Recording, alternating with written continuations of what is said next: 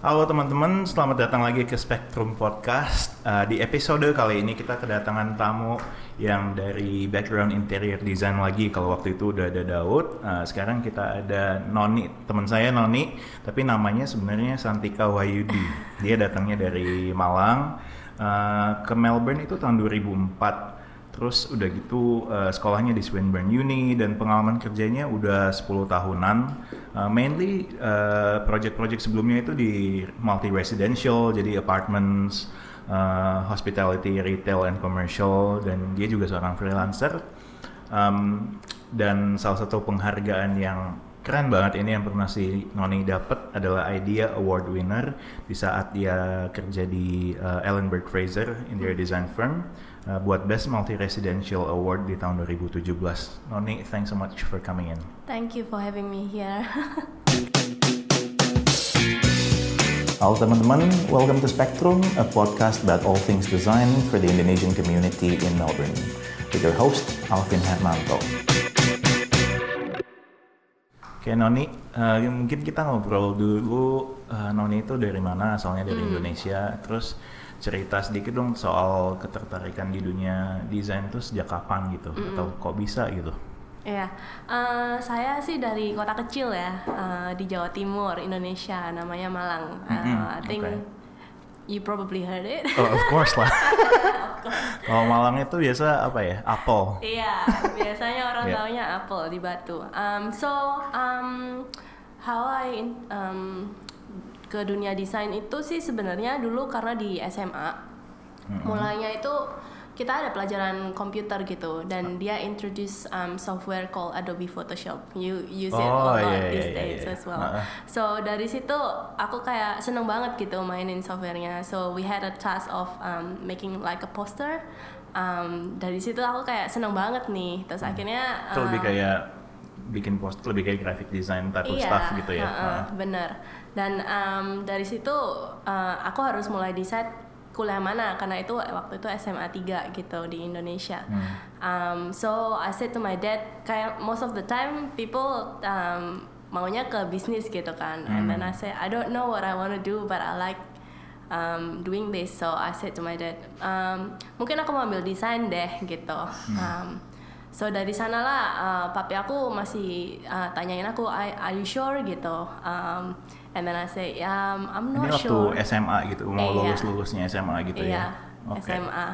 Um, so my dad, um, then my dad is actually on a, a furniture shop. Furniture. Yeah. Okay. And then he just um, nyeletuk aja gitu. Um, hmm. Gimana kalau interior design aja gitu. Okay. And then from then on, um, ya udahlah aku try dulu. Terus akhirnya aku ambil um, ini nih uh, les. Tunggu tadi berarti awalnya uh, lebih demennya itu lebih demen graphic design graphic gitu. design. Oke, okay. cuman karena papi ngelihat apa koneksi ke furniture itu um, lebih deket interior. Uh. Mungkin. Oke. Okay. Um, okay, sip. Terus? So um, I try lah to do um, to learn this um, apa gambar one perspective and two perspective. Ini masih di Indo. Masih di Indo. Okay. Ya. Um, dari sana, oh um, suka juga nih gitu. Hmm. Akhirnya ya udahlah kita cobain. Nah, aku cobain. Hmm. Nah dari hmm. situ itu awal mulanya. Oke. Okay, uh -uh. Oke. Okay. Um, menarik banget ya. Soalnya kalau uh, dan juga ada di podcast yang sebelumnya juga kalau uh, kadang tuh orang tua itu kurang suportif gitu loh mm-hmm. kalau misalnya urusannya ke art and design mm. karena ya biasalah di Indonesia itu masih sedikit nggak jelas desain itu apa gitu yeah. loh dan apresiasinya juga masih kurang dan I mean that happened to myself juga I mean my dad used to be like kalau mau ah, belajar graphic design nanti mm. kamu maunya makan apa gitu yeah, loh karena yeah. nggak jelas gitu masa depannya oke okay. mm. tapi tapi so far ya papi supportive dong sama yeah, mami pada um, akhirnya. thankfully my parents are really supportive of this. That's great. Yeah. Oke. Okay. Terus um, oke okay, jadi waktu itu ke Swinburne kan ya akhirnya. Um, so dari Sebelumnya. sana pun um, papi aku kan um, lihat nih, ini anak kayaknya masih nggak yakin nih beneran masih atau agak nggak jelas ya. Masih nggak jelas. So um, dia akhirnya uh, kirim aku bukan ke university um, karena dia juga berpikir kalau dengar-dengar kalau university itu banyak teori gitu. Oh, Jadi dia kirim dia aku lebih ke gitu practical, ya. right, yeah. Okay. So I started with um, doing um, I did two years. Uh, he sent me two years um, TAFE in. Di homeschooling so kan? interior design. Mhm. So before that as well, um, I took a course called Applied Design in Cert 4. Um, jadi di sana diajarin lebih broad lah ya, Hmm. um, dapat fashion, a little bit of fashion, a little bit of graphic, and a little bit of interior. Oke. heeh. So I think di sana sih aku pertama kali mulainya um, expose sama dunia desain itu sendiri Hmm, gitu. Itu berapa lama di TAFE? Di TAFE Satu setengah total tahunnya satu gitu. setengah tahun. Ya saya nggak nggak selesaiin diplomanya di TAFE gitu. Iya. Gara-gara sesudah saya masuk diploma, uh, saya seneng banget nih sama interior design. Mm. Dan I said to my dad, can I go to university? Mm. Um, I really wanna do this gitu. Mm. And then from then on, my dad say, okay, you can go. Jadi dari Homesland ke Swinburne Um, Iya. itu masuk ke uninya ya. Masuk ke uninya, Oke. um, iya Langsung langsung, year jam year berapa ya? Dua. Um? 2. Se sebelumnya sih um, tut uh, koordinatornya nggak bolehin saya lompat ke second year karena I haven't finished the diploma. Iya benar. But at that time I feel when I study in the first semester, I've learned most of the stuff in TAFE. So Hmm. I asked them if I can. Iya. They said you have to take your own risk Iya. because perlu nunjukin portfolio atau enggak gitu? Iya. Oh gitu ya. Uh, itu bakal bakal ada diminta portfolio. Cuman tetap karena aku cuman selesaiin satu tahun, jadi waktu itu pathway-nya nggak boleh langsung ke second year. Hmm. Jadi have to be in um, the first semester. Oke. But I oke. said um, I've already learned this. Um, if I can, um, I wanna have more challenge. Hmm. Um, but the coordinator was like, you can jump into second year, but you have to take the risk. Yap. Um, because you're already um, left behind by five weeks. Yeah, yeah, yeah. iya. But um, I took the risk. Hmm, And it's Um, okay juga kan? It's Akhirnya. it's it's it's an um, hard work to be Yeah, honest uh. because you have to catch up a lot of things. Iya. Mostly I slept um, really late at night and then you wake up and you have to go uni again. Yeah, yeah. But um, well, it works out. It's part of the process ya. It's part of the process as well. Yeah. Oke, jadi um, pada saat itu itu udah udah lumayan yakin dong kalau mau ngambil interior design. Iya. Oke. Terus udah gitu waktu selesai bachelor di Swinburne itu langsung kerja tuh atau gimana? Habis selesai bachelor, ya saya um, apply um, temporary resident and then Yeah. once I um, while applying, um, also applied um, jobs in Melbourne. So Mm-hmm. after um, maybe it took me two and a half months at that Mm-hmm. time, and then I found my first job. Dan first jobnya di mana? My first job was at um, Rothy Lyman. So it's an Okay. architect and interior designing company. Um, it used to be in Richmond, but they moved in South Melbourne now. Yeah. And the role was pretty much juga interior design Interior gitu. design, yes. Jadi um, di Rothy Loman um, berapa lama kerjanya? Di Roti Loman, um, I spent five years there. Five years, Yeah. lama ya. Lama. Habis itu baru ke uh, Habis itu, um, I went to Bakken Group. Mhm. So Bakken Group use um, do a lot of shopping mall. So if Okay, you know. Chadston, Yep, High yep, yep. Point, so they do those. yep, yeah. yep, shopping centers gitu. Shopping centers. Mm-mm. Dan, Dan- setelah itu baru ke Ellenberg Fraser. Fraser baru sekarang ya. Iya. Kurang lebih begitu. Iya. Oke, jadi kalau misalnya itu kan the, those three itu quite big companies gitu. Hmm. Eh, beda nggak dari satu sama yang lainnya? Kurang lebih dari sisi maybe culture sendiri Mm-hmm. atau gimana menurut Noni beda nggak? They have um, their own culture. Mm-mm. Um, it's quite different between company to company. Mm. But most of the time in the bigger company, um, you will see the management is probably more um, udah ada dibentuk gitu ya. Iya, iya. Jadi it's more Lebih structured. structured and a bit more feel um, corporate. Mhm. Even though in Ellenberg Fraser the way they work is slightly different. They have like smaller studios within the company. Iya. So you still feel like um, quite close with each other while you have um, this kind of big in big Kalau di. Ellenberg berapa berapa orang employee-nya? Um, mereka ada sekitar 130-an employee-nya. Mm-mm. Dan- Which is in, terus kalau di Rothy Loman Di lebih Roti Loman, um, around about the same. The Okay. time I worked there is about probably 90 to 100. Mm-mm. Um, and the Bakken group is probably um, 150-ish. Iya, tapi Iya. kalau um, Ellenberg itu lebih interior design kan ya? Um, it's the dia juga- same. So all of those three company, um, uh, architect company, and also they have interior design interior department. design-nya, Yeah. gitu. Did you have to find yourself working with architects a lot? Yes, Hmm. um, every day. Iya, jadi Yeah. setiap project biasa ada timnya mungkin ada arsitek sama interior Ya, design-nya. heeh.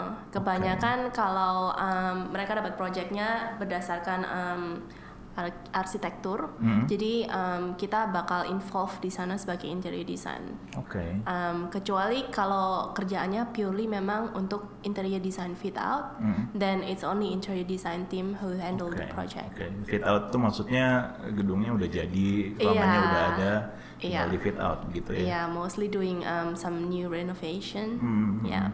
And so far based on your professional professional um, experience gitu kerja, what type of projects like you like the most gitu Um, the type sebagai of interior, project. interior designer?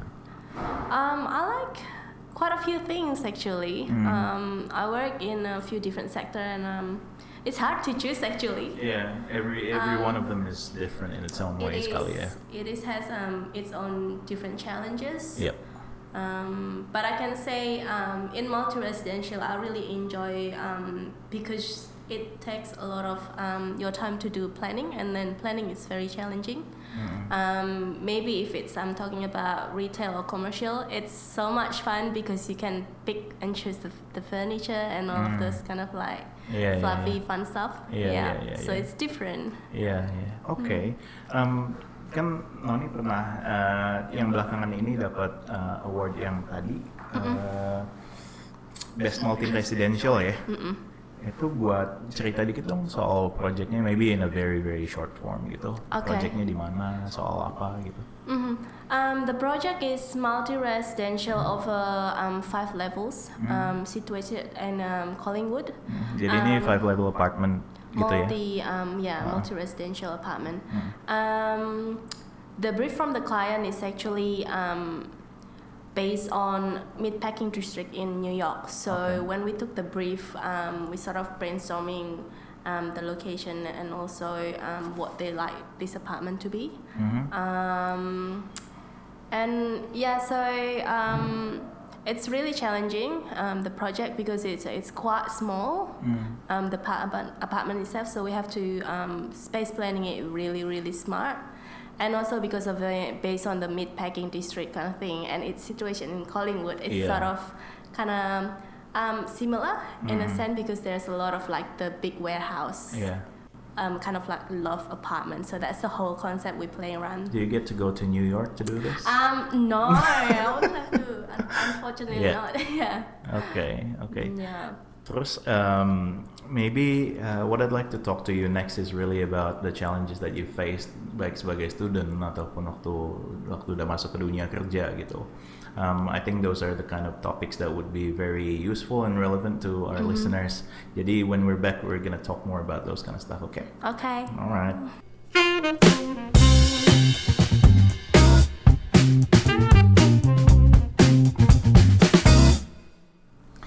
Oke Noni, jadi eh, salah satu topik yang I really like to talk about itu sebenarnya adalah challenges kita nih gitu loh sebagai dulunya waktu student tuh gimana waktu baru masuk ke sini ke negara ini yang rasanya mungkin agak asing buat sebagian besar orang Indonesia rasanya itu begitu gitu loh proses adaptasinya segala macam. Do you find those kind of similar challenges previously? Iya, itu um, kerasa banget sih waktu especially waktu um, masuk ke sini di um, uni ya di sekolah. Yeah. Um, I think the first um, challenges um, that I feel it straight away is the the language barrier. Language ya. Uh-uh, yeah, uh-uh. the English. Um, I still remember um, I sat down in one lecture and then I completely have no idea what they ngerti ngomong apa gitu ya? Yeah, nggak ngerti. I mean, I I can understand a little bit, but Hmm. yeah. Oke, jadi over the time, what are the things that you do buat apa ya improve yourself and overcome this kind of situation?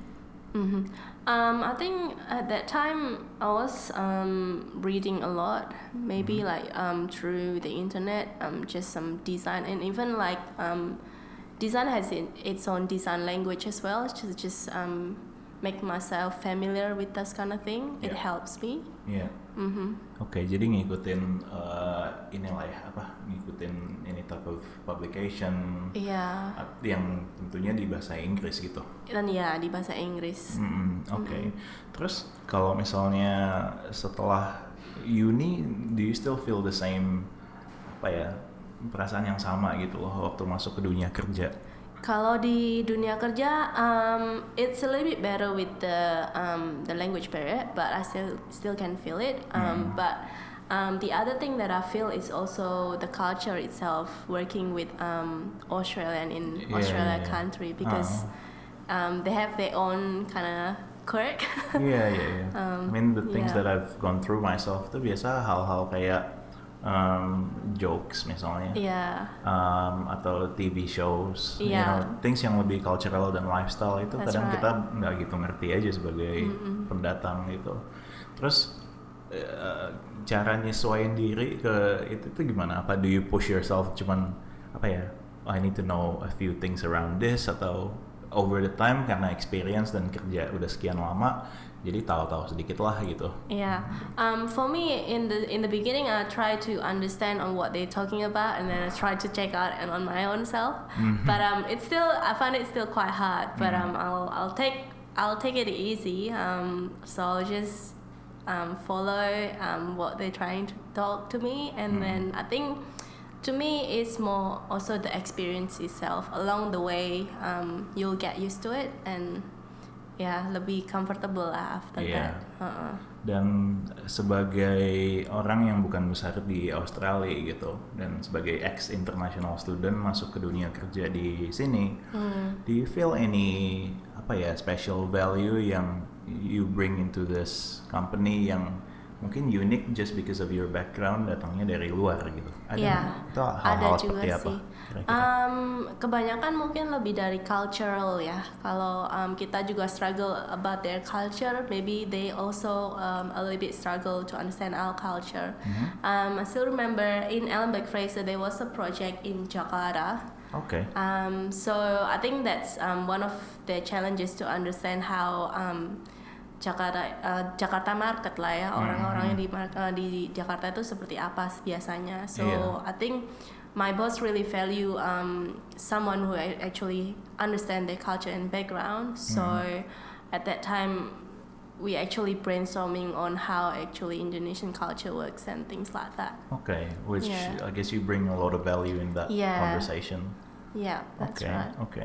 Um, terus um, Noni kan kerja udah hampir 10 tahun ya, atau udah 10 tahunan gitu loh ya pengalamannya. Iya. Which means you're quite experienced and you've been exposed to a number of projects significantly. Mm.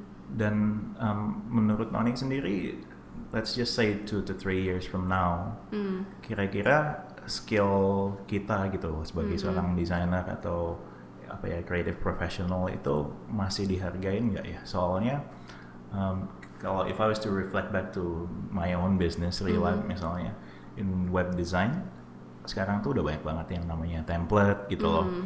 and it's so easy and it's very instant for you to be able to Mm. purchase something at a very very low cost Mm. dan banyak website misalnya yang nawarin jasa-jasa desain tuh kayak Fiverr atau Yeah. Upwork, freelancer.com and things like that.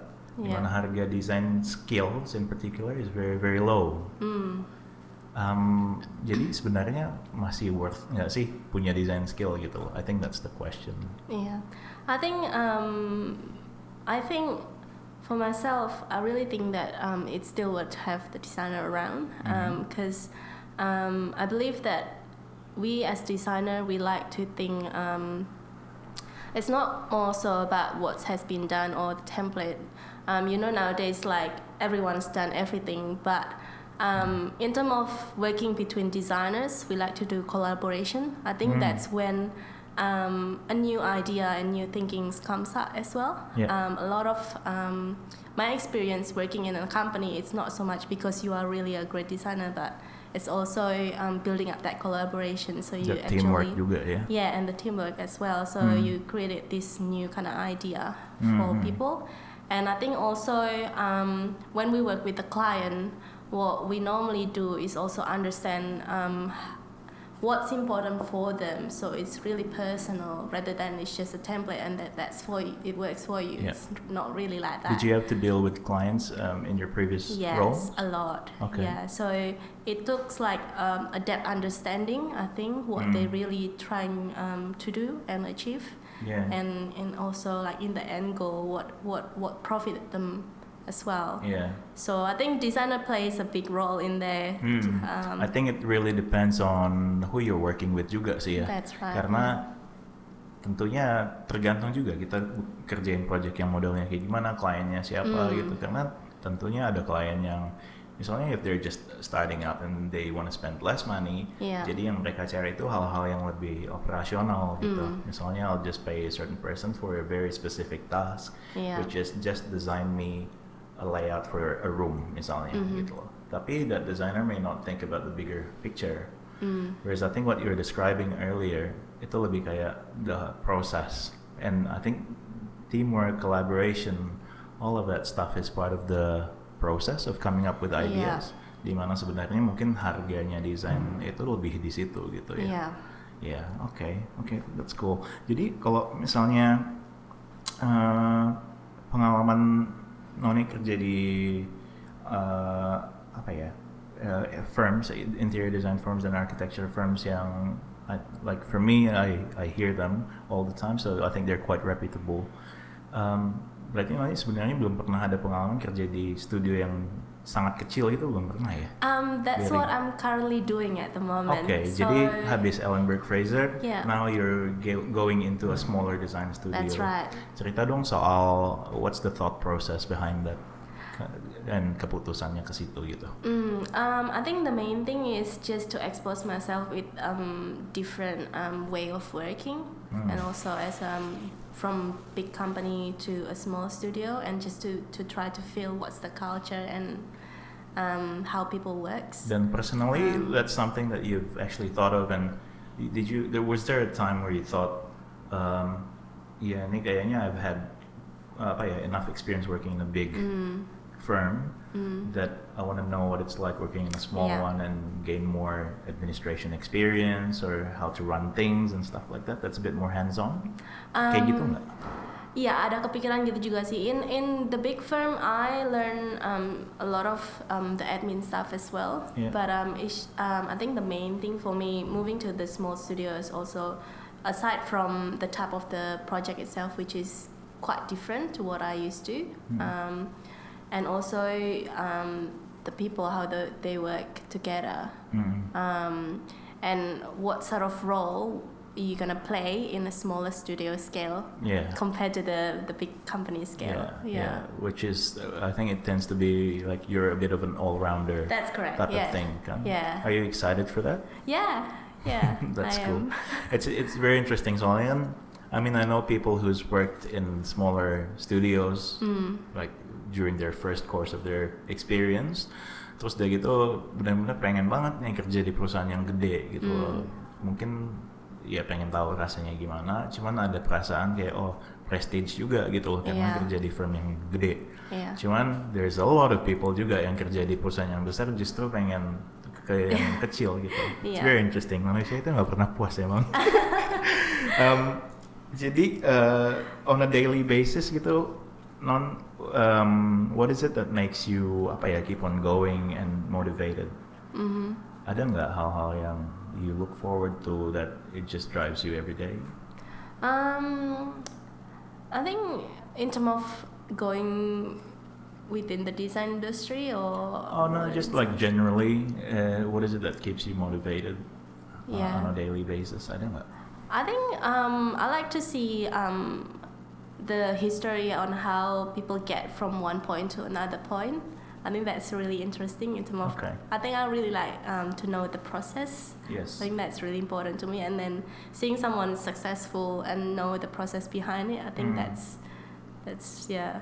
Yeah. I think I value that a lot. Kalau Yeah. misalnya ngomongin the the long term nih gitu, Mm. do you have any maksudnya goals or dreams or vision Yeah. that you have yourself? And tahu is that something that you want to share atau enggak juga? Um, I always think that um, if I have the opportunity, I always want to open up my own um, interior design company. Hmm. I think that's one of the goal. Yeah. Is there any specific type of projects or that you Um, would love to be doing? No specific project. I love most of the sectors as well, and Yeah. if I can help people to create their their, their space Hmm. to become like um, their special experience, Yeah. then yeah. Nice. Okay, Em, dan tadi eh, apa studio yang baru namanya apa? Bar studio. Bar. Hmm. Bar studio. Hmm. Em, itu di mana kalau di Melbourne? Ini di Flinders Lane near Exhibition Street. Hmm. Just- Kalau ini timnya berapa orang? So this company only have um 30 people. 30. Yeah, and Dan ini baru mau mulai kan ya minggu depan ya? Um udah udah mulai sih, Ah. cuman ini continue lanjut Oh, lagi iya, lanjut uh, ah. after holiday. Iya, iya. Yeah. Jadi em, by the way nggak tahu ya, tapi number 30 itu sebenarnya kalau buat ukurannya design studio, ini purely interior design tapi. Purely interior design. Cuman yeah. 30 itu lumayan medium to large juga sih sebenarnya. Yeah, Karena there's a true. lot of design studios yang cuman lima orang gitu, Mm. interior design atau even small architects Mm. cuman kayak sekitar gitu. Oke, uh, but I'm sure it'll be a completely different experience dari Ellenberg It sih is. ya. I've already felt it really, really different Uh. in terms of the culture itself. Yeah. Oke. Um, dan tadi kan Noni juga bilang kalau kadang-kadang ada freelance juga ya. Mm. The type of freelance work that you do itu tetap interior, interior design. Yeah. Dan um, do you find any other challenges di bagian situnya? Um, yeah, um, there is another challenges in there because um, with freelancing, it's kind of like you work your on your own. It's different when you work in a company because you, you have a team. Iya. So there's a lot of I think with, within the company there's a lot of bouncing idea, a lot And of brainstorming accountability together. kan. That's Mhm, right. And when you work by yourself, it's it's more so like you're on your own Mm-mm. and um, it's quite challenging when you, you when, sometimes when you're stuck so in a company you still have some people to bounce off i Yeah, think yeah. that's one of the challenges that i found Hmm. um, yeah Dan um, in the in the type of freelance job that you do, um, they're not multi-residential apartments, I'd imagine, or are they Um, more like boutique townhouses? private residential Yeah. yeah Yeah. So houses mainly, yes things like that. yeah Um, and cara ketemu kliennya itu gimana biasanya? um, Kenalan aja dari mana? Atau? It's um sometimes it's from um friend Uh-huh. um friend know um friend who knows that I'm doing interior design and then Mhm. they um introduce me Hmm. or um the other um client is also the client that I've worked with before Hmm. um probably um mostly it's from previous company Mhm. so it's more also like from networking I think Okay, okay. Yeah. Then, um, do you still work on the whole project from like start to the finish to the end, or Mhm. until they're actually built? yes So yeah. you actually work with, um, you know, the, the builders and all that stuff still, um or how does it work? Not really with the builder itself. Yeah. Um, I only do the freelancing mostly only for the concept design. Okay. Um, yeah, yeah. and then they from And the there layout they can yeah ya. and the Uh-uh. layout as well and the spe- Uh-uh. some specification Hmm. and from there on um, depending on the clients um, but most of the client they will engage with their own builder but I still go on site and sort of inspecting and Iya. doing some comments and defecting yeah Oke, oke. yeah Terus um, kalau misalnya ngomongin freelance lagi nih, Mm. misalnya untuk pricing itu where do you learn it from? Kayak tahu tahu ngecas si orang ini atau si klien ini berapa itu gimana caranya? It's really Dari- a bit. Tr- uh, it's very tricky actually Yeah, yeah, because I it's know. it's it's not. It's yeah. It's very tricky. Uh-huh. Um, I think it's the way I work is depending on the client itself and their background. Mhm. Um, and also I normally bunch idea with my friends who who doing um, freelancing as well, Okay. sort of to know what's the market rate as well. Hmm, hmm. Um, Jadi biasanya itu kayak just hourly charges or just maybe based on the whatever they need and then you price it as a project gitu ya? Um, I do two types. One is the hourly rate, Mhm. and the other one is based on the project. So you Okay. do, yeah, quite a fixed amount. Mm. Dan um, from this freelance work, are you busy? Maksudnya ini take up a lot of your time nggak dari freelance? Normally it's after hours um, or the weekend. Uh, Do you always get inquiries? Do you, do you always have someone come to you and have, like ask you to design something for them? Um, Seberapa sering gitu loh maksudnya? Nggak gitu sering sih, Oke. Ha, nggak gitu terlalu um, sampai take up too much of my time. Sometimes um, depending whether I like the project or not as well. Ya, jadi Um, for in this case of freelancing, uh, Noni itu lebih lebih milih-milih nggak sih untuk the type of work that you take on? Um, yeah, sometimes I do that. Iya, gitu ya. and also whether I have the time or not, whether I really can. Mungkin karena maybe the freelance it's it's not your priority at the moment. Yes. Nggak sih? Yeah. Okay, and uh, berarti do you see the freelance part as apa ya kayak uh, ngisi waktu senggang type of thing that but then it kind of gives you extra a bit of money as well on the side lebih kayak gitu atau just for you to do something else that's out of work Um, I think uh, um, something like that, but also I like um, doing freelancing is meaning you um, apa ya dealing with the client straight away. Yeah, iya, You know, I directly mean, gitu. yeah, Uh-huh. directly. Uh, I think Which that's the different. experience. yeah Yeah, Okay, that I like. Um, and kalau misalnya nih ada apa ya soalnya uh, at least I know banyak kasus yang kayak gini di mana orang tuh udah kayak get into a certain industry misalnya uh, a friend of mine who's an accountant atau say a lawyer tapi they actually really enjoy or what they want to do is drawing or you know doing things like Yeah. photography or the, whatever it is in the creative industry. Um, menurut Noni apa ya switchnya itu ada strategi-strategi yang bisa dibagi nggak ya? Um, maksudnya switch ke dunia Switch ke dunia desain atau dunia kreatif gitu loh. Um, how would you do it if you were coming from another industry yang udah sempat kerja gitu? Yeah. Hmm. Okay. Um, I think try to expose yourself with um, people who already been in the industry. Sometimes just talking to them, you might get an insight of Mhm. how the industry actually works. Oke. uh, Um, yeah. Then you get a better idea on um, where to jump and where to start. I think. Yeah. Um, Oftentimes this with this type of cases itu uh, unsure aja is it is Yeah. it worth doing nggak gitu Yeah. whereas let's say I have a stable income di sini mm, karena oftentimes sometimes it's between you know income tapi juga what you actually want to do yeah. dan makanya orang suka nyebutnya midlife crisis karena kayak umur 30-an tuh kadang orang not sure what to do karena they don't want to waste the rest of their life Mm. doing bookkeeping misalnya di mana sebenarnya they really want to do I don't know social media marketing atau apa Mhm. gitu Mhm. oke Em, ada kira-kira ada tips-tips atau masukan lagi nggak non buat uh, baik itu you know fresh graduates who wants to get work I mean I think you're a great example because you went and yeah, I mean you successfully went to work straight away after uni not long after that ada tips nggak buat preparation atau portfolio what is it that you need to prepare supaya lebih mudah di accept di industry gitu Mhm. for these kind of opportunities Yeah, I think first thing off as a designer, get yourself inspired Hmm. from a lot of things. I think Mm. that's the important thing because that's what keeps you going. Yeah. That's what I thought.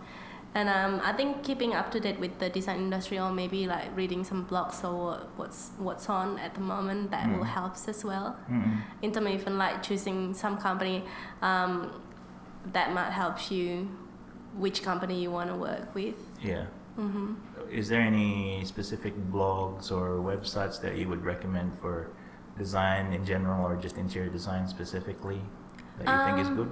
There's a lot of um, nice blogs like something like Design um, Okay, that's yeah. quite international, or there's um, the design file Yellow Trace. Mm. Um, There's a heaps of design. If you search through the internet, you'll Yeah. find it. Yeah. I guess the the point is kalau excuse me kalau misalnya if you if you love doing this gitu loh baik itu design, photography, filmmaking Mm. or whatever it is kemungkinan besar kayak the stuff that you do out of the work time juga trying to find those kind of inspiration Mm. juga because you just love looking at other good designs and That's stuff like right. that and I think that what that's one of the things that motivates you juga to you know create better design and Yeah. so on okay Mhm. um, Oke deh, eh, Noni, thank you banget nih udah datang, udah sharing sama kita. It's very very inspiring.